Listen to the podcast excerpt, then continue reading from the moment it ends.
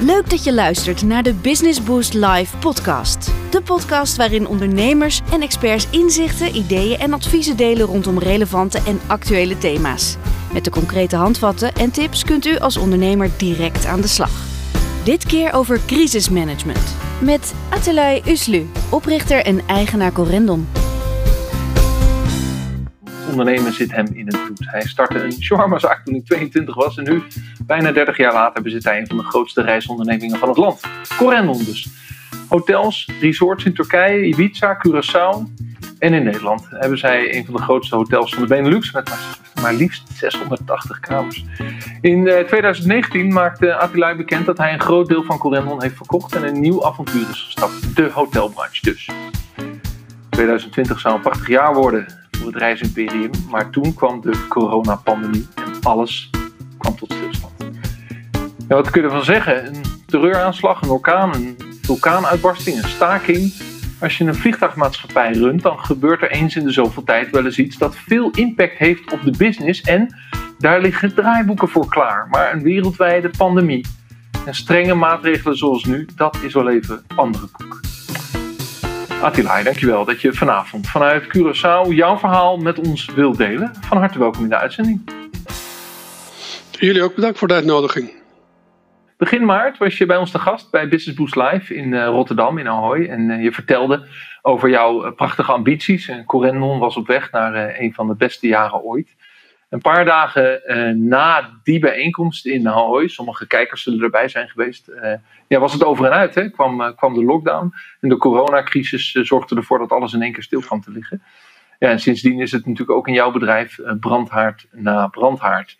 Um, er zijn natuurlijk heel veel voorbeelden wat er dan gebeurt en wat er in jouw bedrijf gebeurt. Maar kernvraag is eigenlijk, op welke manier ga je nu als ondernemer om met die dramatische wending van, van maart? Als je dus teruggaat naar de periode, hoe, hoe, hoe ben je daar toen mee omgegaan? Nou, wat je net zei, uh, we zijn van, uh, van een recordjaar naar de slechtste jaar ever uh, gegaan met 2020.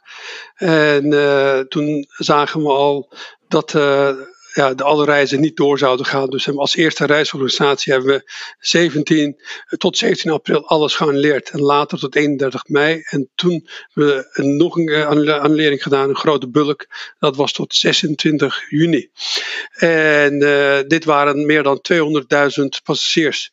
Maar om even te noemen, wij zijn normaal gesproken een touroperator of uh, ja, een airline of hotelorganisatie die normaal vakantiegangers welkom heten.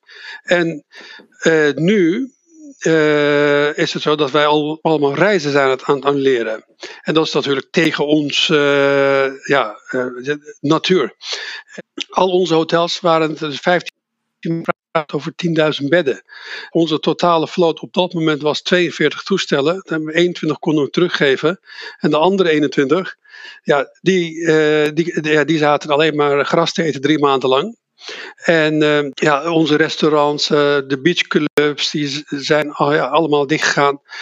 nog erger, ja, wat ik in de afgelopen 25 jaar gedaan heb, opgebouwd heb, is in één keer stil komen te vallen het was wel best heftig voor mij. Ja. Ik was net uit de winter gekomen.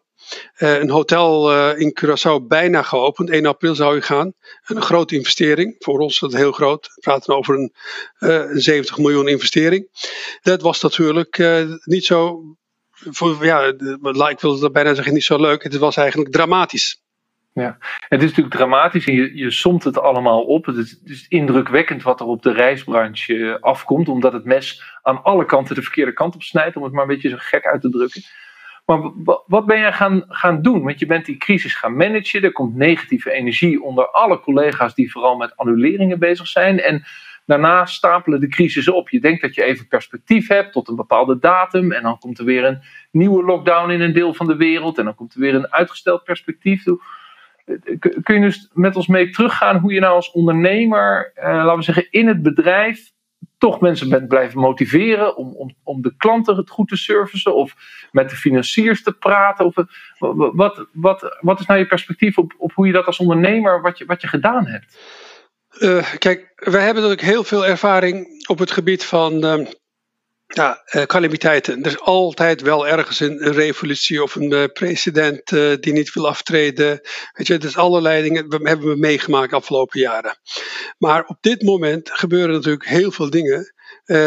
niet dat, dat soort dingen normaal één of twee of drie keer per jaar. Maar nu, iedere week heb je minimum één of twee, of misschien wel dagelijks, van ja, de overheden die gewoon een besluit nemen.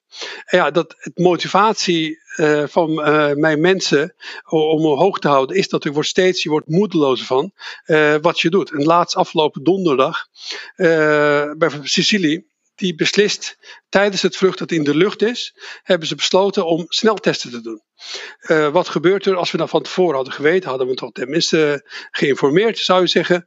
Nou, dus Drie mensen waren in één keer uh, positief getest. 36 mensen eromheen, uh, die, waren, ja, die waren wel negatief, maar die moesten ook twee weken in quarantaine. Nou, ga je naar buitenlandse zaken, joh, help ons alstublieft, we moeten deze mensen eruit halen. Tenminste die 36 personen. Uiteindelijk, uh, na lang smeken, mochten die 36 personen naar huis. Daar hebben we meteen een toestel heen gestuurd, alleen voor die 36 personen. En meest zuur is, toestel, voordat hij nog op Schiphol ging landen, dus we hebben het passagiers opgehaald. Met landen op Schiphol. Dan horen we, de maatregel is weer teruggetrokken.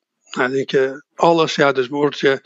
Ja, daar word je natuurlijk van, ja, moedeloos ga je dit, kan iedereen, ik ja, voorstellen. Ja. Ben jij dan in, in zo'n voorbeeld geeft dat deze is, ook, deze is ook, ook in de media geweest. Het verhaal van de, van de mensen op Sicilië die daar vast zaten. Ben je dan als ondernemer uh, dicht op de bal, dicht bij het team wat dit, wat dit aan het regelen is met deze mensen? Ben je zelf ook betrokken bij wat er in, uh, in Sicilië en Italië gebeurt? Is, is dat ook jouw stel van, laten we zeggen, een crisis het hoofd bieden om heel dicht in het bedrijf je, je dan te bemoeien en je invloed te laten gelden?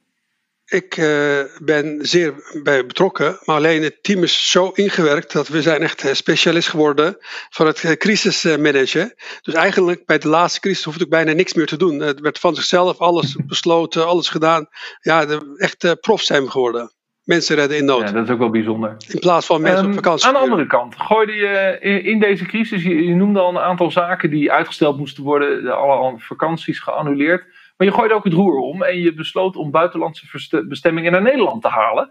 dat weten sommige mensen wel. En niet zonder succes. Costa Hollandia, heel populair deze zomer. Hoe heb je dat zo snel gerealiseerd? toch mensen een vakantie kunnen bieden. Ja, want ja, wij merkten dat je, niet op vakantie kon gaan naar buitenland. Dus uh, eh, 15 mei zagen we van, ja, als mensen niet naar Costa Brava konden gaan, dan uh, moet de Costa Brava maar naar Costa Hollanda komen. Dus we hebben Costa Hollanda bedacht. En uh, eh, 1 juni waren de eerste klanten al binnen.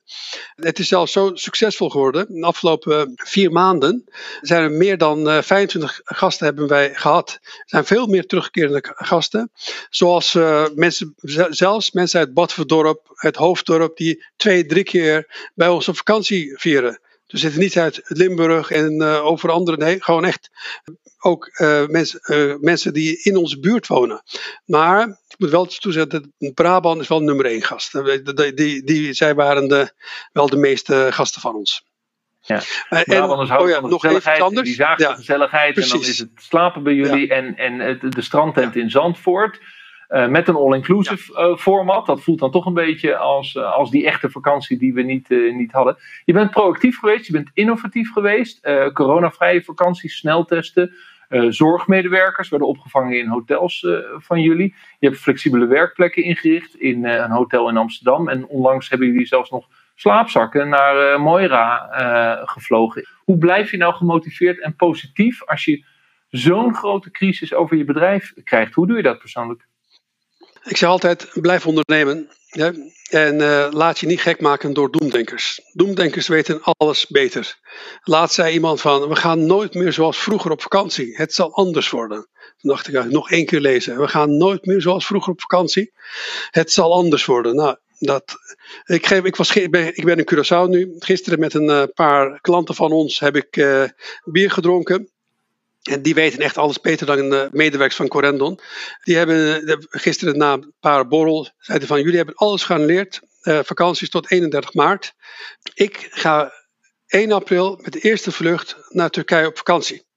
Uh, normaal ga ik twee keer naar Turkije op vakantie. Dit keer ga ik vier keer naar Turkije op vakantie. Ik zeg, nou, zo, Ja, zei ik. ja. We hadden natuurlijk wel, we hadden ondertussen wel een aantal Heinekens op. eh, en we zitten in een all-inclusive restaurant. En makkelijk leuke rondjes te geven. Maar het sentiment, om te zeggen hoe het sentiment is. En als je onderneemt en je bent tussen de klant. En eh, het motiveert niet alleen mij, ook mijn medewerkers motiveert dat- dit soort gesprekken. Ja, en, dus, en, dus, en dus niet vervallen in doemdenken. Een- Ja, ik in, wil er nog eh, even één in ding bij zeggen. Dat Ja, nu hebben we eh, voor Costa Hollanda hebben we een winteredition bedacht. Ja, maar je kan nergens meer vakantie. Je alleen naar Curaçao. De rest is gesloten voor Nederlanders. Niemand wil Nederlanders meer hebben. Ja, dus, dus waar kan je op vakantie? Dan kan je naar Costa Hollanda. We hebben naar winteredition bedacht. Onder de vliegtuig 747 gaan we een eh, heel grote ijsbaan bouwen. En eh, hopelijk gaat die Ah, te paal eh, november open. Eh, tot slot, jij zit dus in Curaçao en dat hotel, wat dus 1 april open zou gaan, is nu twee maanden open. Heb je dus wel geopend en daar zet je erop in dat als de coronacrisis voorbij is, dat dat eh, vol gaat draaien.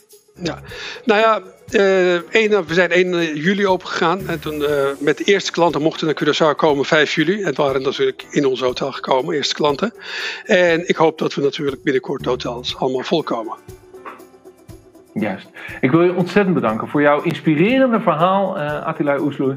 eh, vanuit Curaçao, vanuit een van je eigen hotels. Heel veel succes met ondernemen. Blijf positief. Eh, eh, maar dat is volgens mij aan jou wel besteed. Bedankt voor je inspiratie. Warm groet vanuit Curaçao allemaal. Dank voor het luisteren naar de Business Boost Live podcast. Bent u benieuwd naar de verhalen van andere ondernemers en experts?